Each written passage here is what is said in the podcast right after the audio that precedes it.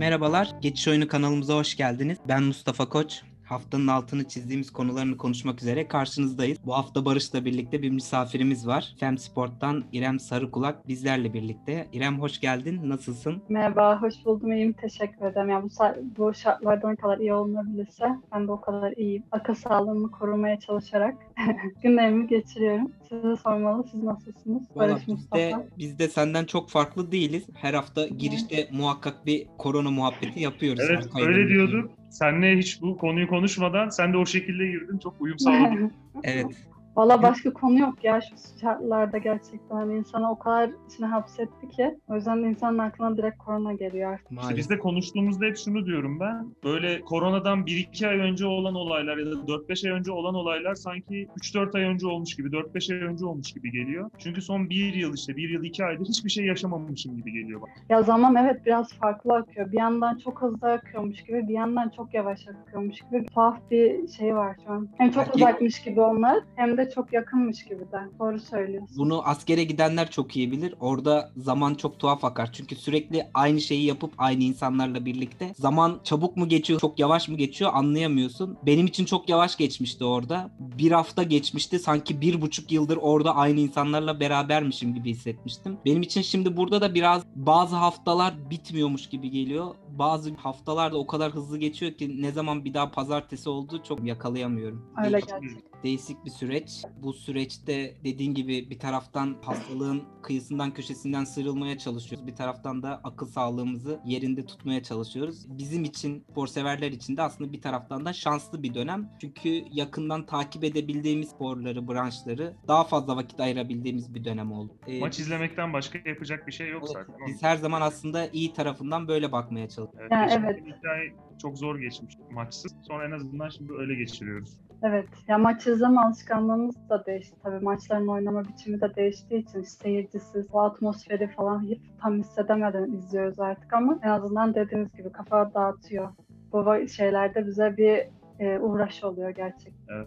İrem e, uzun süredir görüşemiyoruz. Ancak uzaktan Evet. da olsa birbirimizin işlerini takip ediyoruz. Senin de içinde bulunduğun Fem Sport'ta bence internetteki harika işlerden bir tanesi. Çok Ee, teşekkür ederim. Rica ederim. Benim yakından takip ettiğim bir platform. Sadece kadın sporuna yer verdiğin ve içinde röportajların, haberlerin olduğu aslında dolu dolu bir platform. Bizi kadın sporu bakımından besleyen bir alan. Bu hafta biz de kadın sporu konuşmak istedik ve seni davet ettik. Sen de kırmadın bizi geldin. İlk önce kadın kadın futbolunda geçen hafta final oynandı. Beşiktaş'la Fatih Vatan Spor finalde karşılaştılar ve Beşiktaş'ın galibiyetiyle Beşiktaş şampiyonluğa ulaştı. Beşiktaş kadın futbol Evet. takımı. Buradan başlayarak bir e, sezon nasıl geçti kadın futbolunda? Seninle onu konuşalım istedik öncelikle. Olur. Yani sezon çok uzun bir sezon değildi. E, 17 17 Nisan'da başladı zaten. E, erkek futbolu çok daha öncesinde başlarken kadın futbolu ne yazık ki başlatılmadı. E, 17 Nisan'da başlayıp yine bir turnuva şeklinde düzenlendi aslında. İlk başta grup aşamaları oldu. Dörder takımdan oluşan gruplar vardı. Oranın ilk ikisi sonrasında çeyrek finaller, yarı finaller ve final oynadı. Finalde de dediğim gibi Fatih Vatanspor'la Beşiktaş eşleşti. İkisi aynı gruptaydı aslında. Beşiktaş grubun yenilgisiz lideriydi. Fatih Vatanspor da ikinci olarak gruptan çıkmıştı. Finalde de karşı karşıya geldiler. Finalde de Beşiktaş'ın 2-0'lık bir üstünlüğü vardı. Ama tabii şunu da konuşmak lazım bence. Çok kısa bir ligdi. Oyuncular, takımlar doğru düzgün bir antrenman yapma imkanı bulamadılar bu sene. O yüzden ben hiçbirinin tam tam performansını sergilediğini düşünmüyorum. Ligden çok şampiyona gibi olmuş. Evet evet mini bir turnuva şeklinde oldu. İki hafta sürdü. Ee, yani gerçekten takımlar da 6 maç yaptılar her bir takım. Ya fi- daha doğrusu finale gidene kadar hani finale çıkanlar 6 maç yapmış oldu. Ee, yani daha tam alışamadan maç temposunu yakalayamadan bir anda bitti zaten lig. O yüzden hani çok e, tam performanslarını sergileyebildiklerini düşünmüyorum. Daha uzun bir şey olsaydı bence çok daha güzel bir lig izlerdik diye tahmin ediyorum. Bu sene bir de e, geçen senenin şampiyonu ALG Spor Şampiyonlar Ligi'nde de mücadele etti. Tura çıktı maçtı. Orası da eleme usulüydü. Bir tek maç üzerinden eleme usulüydü. E, ALG Spor'da hiç maç yapmadan ve çok az bir antrenmanla o, o karşılaşmaya çıkmak durumunda kaldı. Ve maçı da kaybetti. Gelecek sene umarım çok daha iyi bir şekilde düzenlenir ve hani bunlar da maç yapma, daha fazla maç oynama imkanı bulabilirler. Bu sene biraz böyle geçti. Ben şunu sormak istiyorum sana. Ben hani çok takip edemiyorum kadın futbolunu ama bir birkaç yıl önce Avrupa kupalarında başarılı olan Konak Belediyespor vardı. O zaman bir ilgi olmuştu. Maçları yayınlanmıştı. Şimdi Beşiktaş'ın bir kadın futbol takımı kurmasıyla bir ilgi olduğunu gö- gözlemliyorum biraz daha. Ve işte galiba diğer takımlar da girecekler. Ee, bir hareketlilik var gibi. Ee, ne diyorsun bu konuda? Ya bu sene birazcık hareketlilik oldu gerçekten. Çok minik hareketlilikler bunlar erkek futboluyla kıyaslayınca tabii. Maçlar yayınlandı mesela bu sene ilk defa. O da çeyrek finallerden itibaren yayınlandı. Ee, bundan önceki seneler maç dahi izleyemiyorduk. Ee, onun yanı sıra Beşiktaş dediğin gibi evet Beşiktaş'ın varlığı biraz önemli burada. Çünkü e, onun sayesinde birazcık sponsor destekleri de gelebiliyor. Bu sene işte sponsor desteğiyle maçlar yayınlanmaya başladı aslında. Ya böyle büyük kulüplerin olması çok önemli bence de. Çünkü ya esas ilgiyi şu an onlar çekiyor. Diğer takımlar birazcık daha kendi yağlarında kavrulu bir haldeler. Ee, ya Beşiktaş'ın bu sene işte şampiyon olması evet yankı getirmesine büyük e, hem maçların da yayınlanması tabii. Yani final maçı da bir tek ya tek bir kanaldan da değil galiba 3-4 kanalda bir, birden yayınlandı farklı farklı kanallarda. E, hal böyle olunca e, tabii ki herkes kimin şampiyon olduğunu da bildi. Maçı da izleme imkanı oldu. Birazcık daha kadın futbolun içerisine girebildiler aslında. Ama ya tabii ki de büyük kulüplerin Trabzonspor gibi Galatasaray gibi e, Fenerbahçe gibi kulüplerin de kurması gerekiyor. Hala olmaması çok garip bence. Trabzonspor'un vardı, varmış daha doğrusu ben de bilmiyorum. 2011 yılında fazla e, masrafı çok diye kapatılıyor kadın futbol e, takımı. E, Fenerbahçe desen e, He for She gibi çok önemli bir şeyin imzacısı. Yani toplumsal cinsiyet eşitliğine önem verdiğini gösteren bir adım aslında bu. Ama onların da kadın futbol takımı yok. Galatasaray desen keza öyle. Ya, hala olmaması bence çok tuhaf ve umarım en kısa sürede açarlar ve lig birazcık daha şenlenir. Ya orada Beşiktaş'ı diğerlerinden ayıran biraz sponsoru. Vodafone zaten Beşiktaş'ın ana sponsoru. E, muhtemelen orada Vodafone'un ön ayak olmasıyla birlikte kuruldu takım. Birazcık sponsor şansıyla aslında Beşiktaş burada biraz öncü 3 büyük ya da 4 büyükler arasında öncü vazifesi görüyor ama dediğin gibi Fenerbahçe'nin diğerlerinden daha farklı bir yönü var. He for She'nin Türkiye yanlış söylüyorsam düzelt beni. Türkiye yüzü Fenerbahçe. Bu konuda adım atması gereken ilk takımlardan bir tanesi bence. Şu da var bizim erkek takımlarının öykündüğü Avrupa'daki büyük takımların hepsi de e, kurdular takımlarını ve e, çok da e, ilgililer. Yani sosyal medyadan falan da çok destek olduklarını gözlemliyorum. Bir ilgi de var ama bizde çok geriden takip ediyorlar. Ya bizde de bence ilgi olur. Yani şu an olmuyor. Neden olmuyor? Maçlar yayınlanmıyor. İşte bu sene gerçi pandemi de vardı tabii ama maçlar Manavgat'ta, Antalya'nın Manavgat ilçesinde bir spor kompleksinde oynandı. E, Arslan De- Zeki Demirci Spor Kompleksinde bir stadyumda bile oynanmadı maçlar. Yani hani birazcık daha böyle erkek futboluna yaklaşırsa çok daha fazla ilgin olabileceğini düşünüyorum. Hatta 2019'lardı galiba Beşiktaş Atletico Madrid'le oynadı kadın futbolu bir gösteri maçı gibi bir maça çıkmıştı ve stadyum doluydu yani. Çok fazla seyirci vardı. E bu lig maçlarında da bence olabilecek bir şey ama tabii fırsat verilmiyor. Ben de onu diyecektim yani şimdi Galatasaray, Fenerbahçe, Beşiktaş aralarındaki maçları kendi statlarında mesela Türk Telekom Arena'da bir Galatasaray Fenerbahçe maçı olsa bence çok fazla seyirci gider. Koronanın olmadığı bir zamanı kastettim. Tabii tabii orada kadın futbolu, erkek futbolu olmuş çok önemli değil ki bu da Diğer branşlarda kadın voleybol, erkek voleybol, kadın basketbol, erkek basketbol bir aralarında oynadıkları maçların hepsinde tribünler dolu oluyor. Ben hepsinde taraftar görüyorum. Bir ilgi oluyor. Kadın futbolunda niye olmasın ki? Ya evet işte ama futbol birazcık çok fazla erkeklerin elinde tuttuğu bir alan. Yani o kadar kendi ellerinde ki yani çok bırakmak istemiyorlar gibi de bir an. Bunun Buraya bulaşmayın lazım. gibisinden değil mi? Biraz evet o işte onu bu, bu sözünü şuna bağlayabiliriz. En son ödül meselesi oldu. Orada da evet. burada da ödülü bir erkeğe vermişler ve de sıkıntılı biri. Yani şöyle Mustafa sen bahset istersen. Aynen şöyle diyecektim yani gün geçmiyor ki ülke sporunda bir tuhaflık yaşanmasın yani maalesef. Beşiktaş'ın şampiyonundan sonra ödül töreninde yılın teknik direktörü ödülü Fatih Vatan Spor'dan Efe Mehmet Aydın'a verildi. Ancak sonra ortaya çıkıyor ki Mehmet Efe Aydın'ın 2019 yılında iki kadın sporcusuna şiddet uyguladığı için federasyon tarafından 60 gün hak mahrumiyeti cezası aldı. Aynı zamanda yine bu olaydan ötürü ceza mahkemesinde halen daha davasının devam ettiği ortaya çıkıyor. Suçlandığı konu da bir müsabakadan sonra hi sporcusuna yarı çıplak halde 7 saat boyunca şiddet uygulaması. Ya bu arada ödülü de federasyon en yetkili ismi Nihat Özdemir elleriyle veriyor. Bu konu sonrasında ortaya çıktıktan sonra çok tartışıldı. Yani kadına şiddet uyguladığı iddia edilen ve halen daha davası süren bu konudan ötürü hak mahrumiyeti almış birinin yılın teknik direktörü ödülüyle ödüllendirilmesi aslında hani ülkede sürekli kadın sorununu konuştuğumuz ve bu konuda e, konuşma şeklimizden bile bir adım öteye gidemediğimiz sorunun nasıl e, derinleştiğinin bir örneği daha görülmüş. Şu da var Mustafa. Beşiktaş'ta kadın teknik direktörle şampiyon olan ilk takım oldu galiba. Bildiğim kadarıyla öyle. Değil yok geçen sene de ALG Geçen sene de mi? başında Ama- da başında da bir kadın. Hı hı. Ama yani Bahar Hoca'ya da vermemişler. Bahar Özgüvenç'e de vermemişler. Şampiyon evet, yapan. şampiyon takımın evet şampiyon Orada da erkeğe vermişler yani. Ya o çok bir ölçü değil yani şampiyon olan takımın teknik direktörünün yılın teknik direktörü ödülü alması illa olacak diye bir şey yok. Ancak burada İlla olacak değil tabii ki ama yani şimdi bakınca da buradan şimdi senin tarif ettiğin şekilde bakınca da kadına şiddet uygulamış birine ödül vermek de yani hiçbir anlamı yok orada başarılı bir kadın varken. Orada da sanki erkeğe bir ayrımcılık yapmışlar gibi hissettim ben okuduğum zaman. Neyse İrem'e bırakalım sözü o daha güzel açıklar. Ya şöyle ki ödül almasından ziyade antrenörlük yapıyor olması da bir tuhaf gerçekten. tabii zaten e, aynen bu konu e, bir karara varılmadan mahkeme Evet. e, Ya şöyle ki yapıyor olması da ayrı bir skandal konu zaten. Evet. Ya federasyon aslında kabul ediyor yani hani ceza vermesinin şeyinde ben bunu anlıyorum. Demek ki federasyon bunu kabul ediyor ve bir ceza uyguluyor ama uyguladığı cezada 60 gün gibi bir ceza yani. Ee, ve hani raporu o şikayet dilekçesine internette hani herkes ulaşabilir. Ben de çok detaylı anlatmak istemiyorum. Çünkü e, bir travmatik bir şey var ve her bunun açılışı bence tekrar o travmayı yaşatacak bir şeye dönüşebilir. Ama orada şikayet dilekçesinde şöyle bir şeyden bahsediyor şikayet eden futbolcu. Ailelerimiz bizi ona emanet ederek gönderiyor diyor.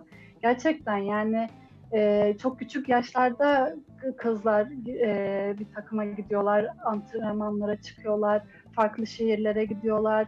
E, ya gece gündüz birlikte antrenman yapıyorlar ve orada gerçekten ailelerin güvendiği kişi de antrenör oluyor. Ya antrenörün öyle bir konumu varken sporcularına şiddet uyguluyor olması ve hala devam ediyor olması e, çok vahim bir durum gerçekten. E, yani bu sporcularda da bir e, sessizliğe de neden olabilecek bir travma aslında bu şiddeti yaşamamış olsa dahi. Çünkü şikayette bulunuyorsun, şiddet yaşa- yaşıyorsun ve bir şikayette bulunuyorsun. Ve bunun sonucunda antrenör hala senin antrenörün olmaya devam ediyor. Ee, ve hani gerçekten bu orada e, diğer futbolcular, diğer kızlar için de bence çok travmatik bir durum.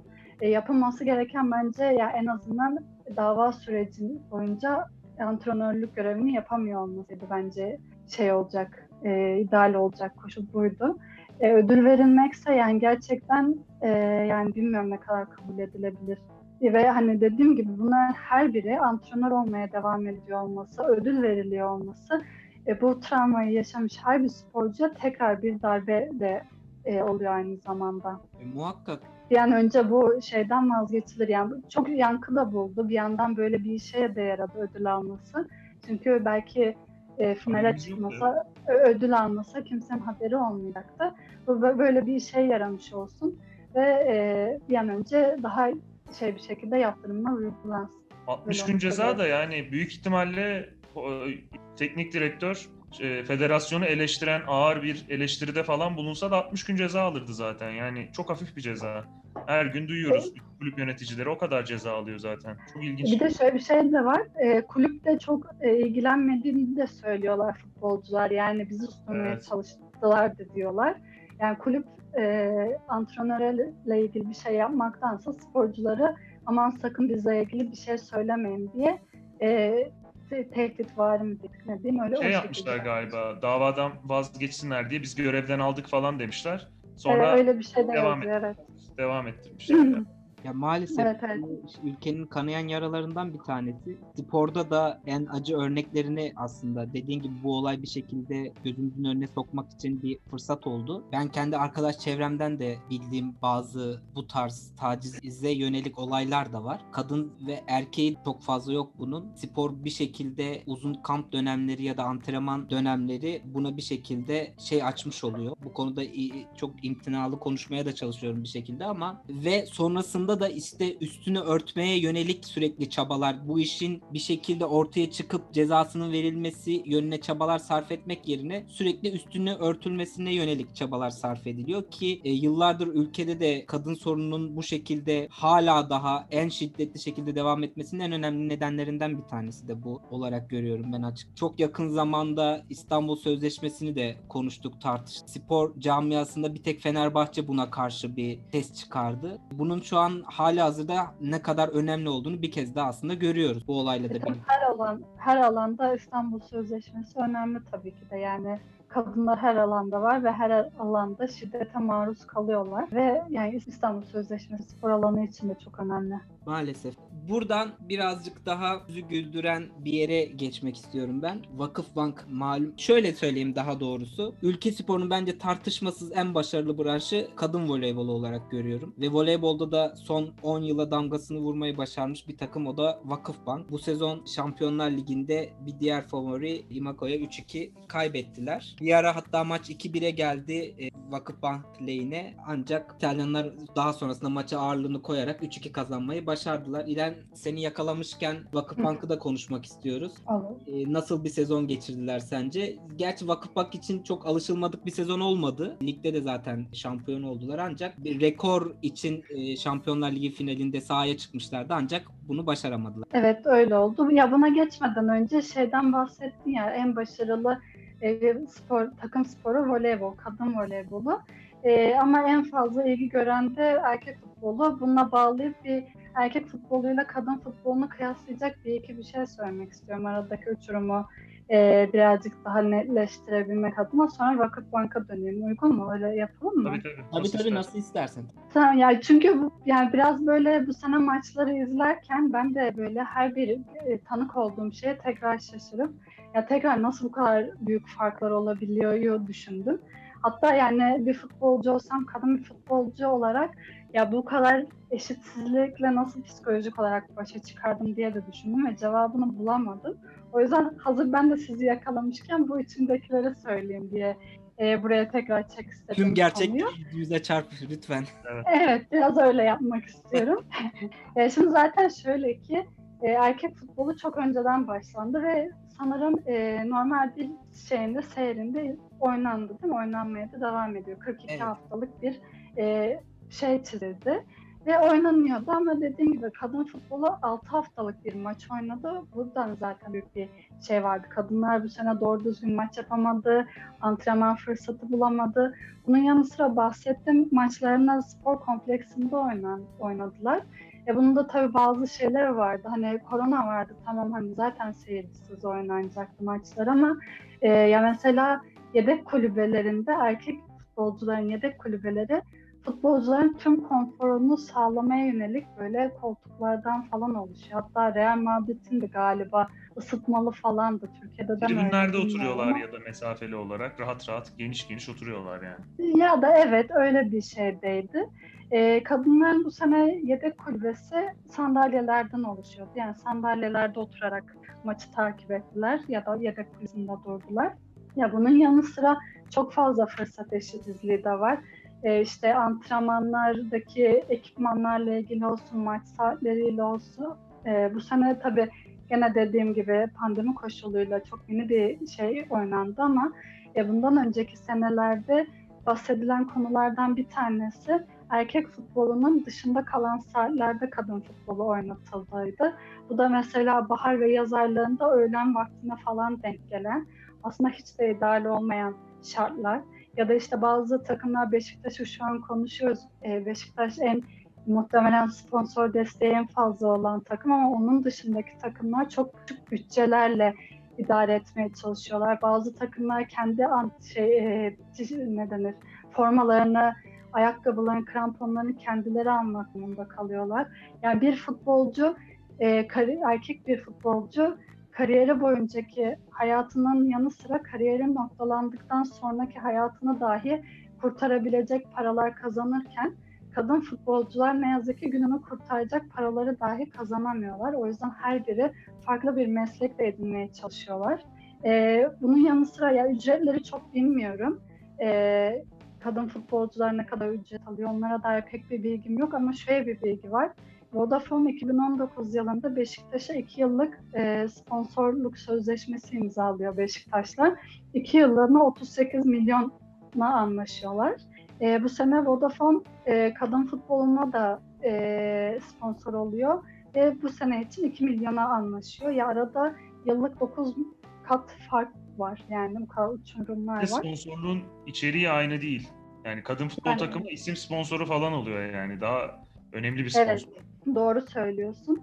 Ee, onun dışında e, büyük takımlar, büyük kulüplerin kadın futbol takımı yok. Bunu zaten e, Birleşmiş Milletler'in bir raporu var. 2019 yılında hani Türkiye'den bağımsız bir rapor aslında ama dünyadaki durumu da görmek için e, güzel bir rapor bu. O da bir erkek futbolcu en iyi 7 kadın ligindeki bütün futbolculardan daha fazla kazandığı yönünde böyle bir rapor açıklıyor. Ya aradaki fark inanılmaz gerçekten.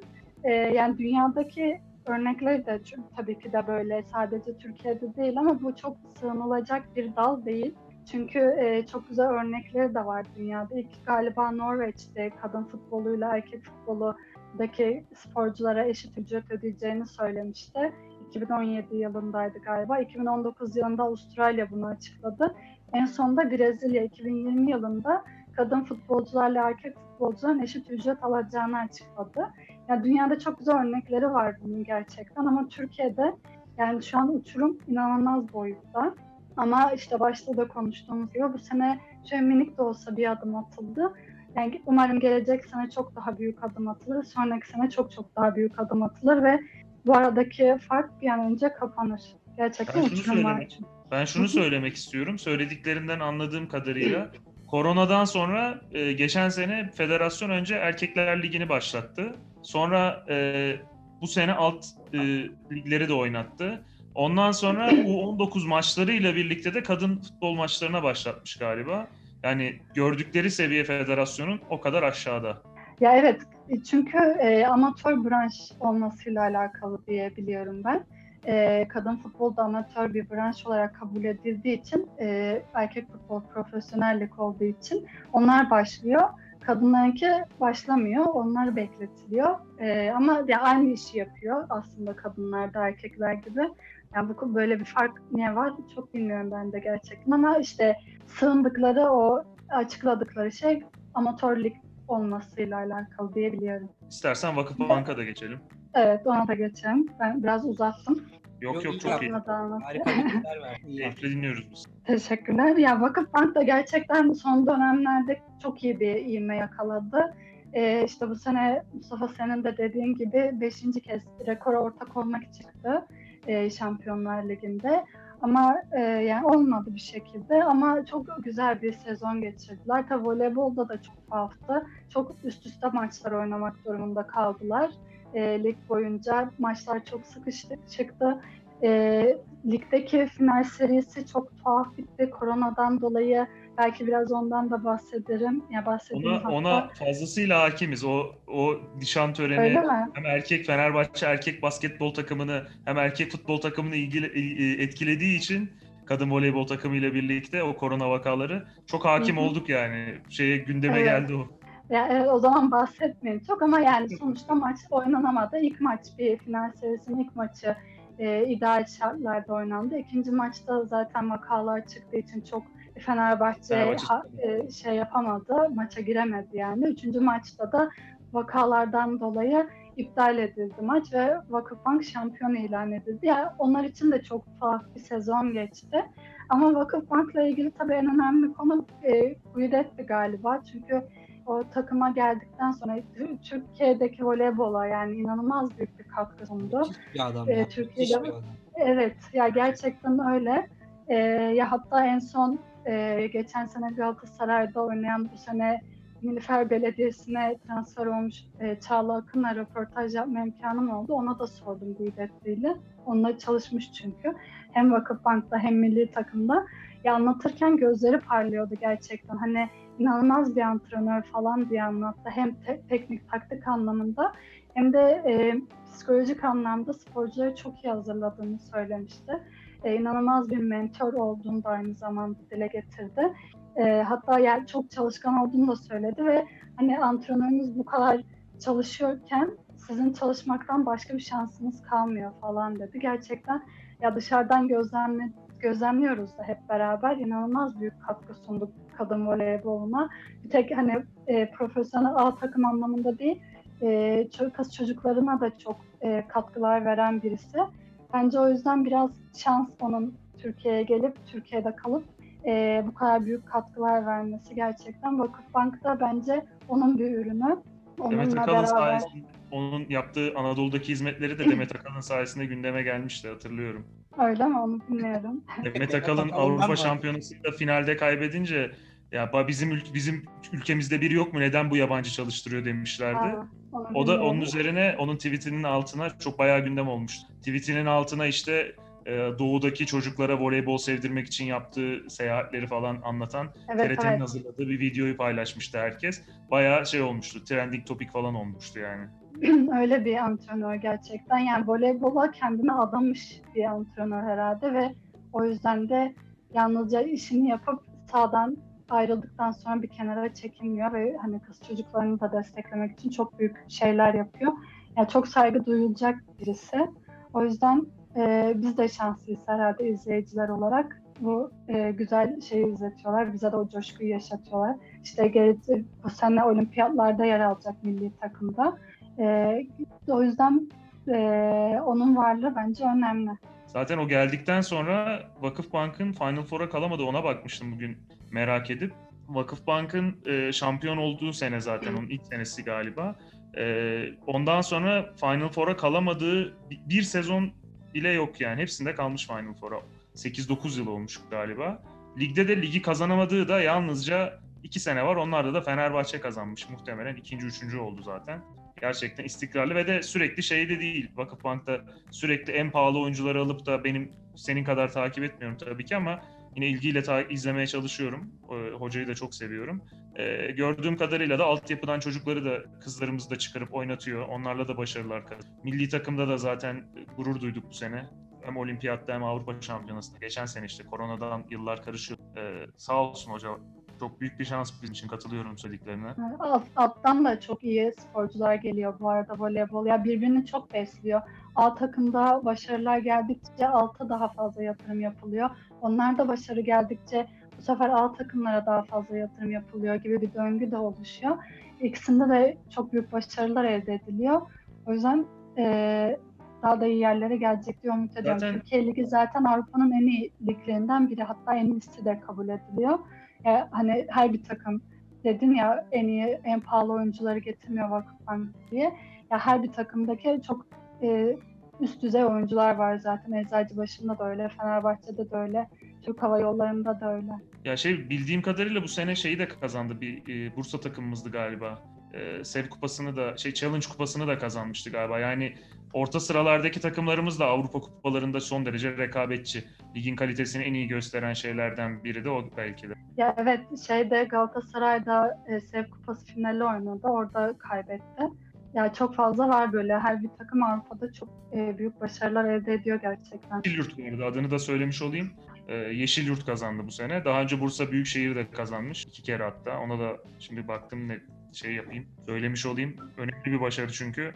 Öyle geçiştirmiş olmayalım. baktığın zaman bu ödül skandalı e, bir taraftan Fenerbahçe'nin dün organizasyonundan sonra yaşanan korona vakaları falan ülke koskocaman bir böyle olacak o kadar skecine dönmüş durumda. Eskiden rahmetli Levent Kırca ülkedeki yaşanan bu tuhaflıkları skeçler halinde gözümüzün önüne koyuyordu. Hani onu görüyorduk ama şimdi baktığın zaman ülke koskocaman bir işte o skece dönmüş durumda tuhaflıklarla beraber. Ama e, çok başarılı işler de var bahsettiğimiz gibi. Kadın voleybolu bunlardan en önemlisi Türk sporunda. Umarım bu yaz e, olimpiyatlarda da e, göğsümüzü gere gere izliyor olacağız. E, Ya şunu söyleyeyim ben çok araya girdim ama e, şunu söyleyeyim ben kadın voleybol takımımızla Vakıfbank'la da Eczacıbaşı'yla da Fenerbahçe'de Galatasaray'da izlediğim zaman hissettiğim şey her zaman gurur duymak oluyor. Bazen beklentimizi karşılamıyor. Gel ki genelde karşılıyor. Ama ben sahadaki mücadeleden, oynanan oyundan ve şey e, böyle konuştuğumuz kötü şeylerden uzak bir takım, uzak bir atmosfer keyifle takip ediyorum. Yani en azından bana bunu sağlayacağına eminim. Daha önce olimpiyata gittiklerinde de öyleydi. Ben iyi mücadele edeceklerine, iyi voleybol oynayacaklarına ve bizi iyi temsil edeceklerine eminim. Sonuç ne olur? Ben o kadar hakim değilim ama gurur duyacağımıza eminim. Onu Muhakkak söyleyeyim. e, zaten Vakıfbank'ın başardığı da bence o. Kazanıp kazanmaması bu sezon için çok önemli değil.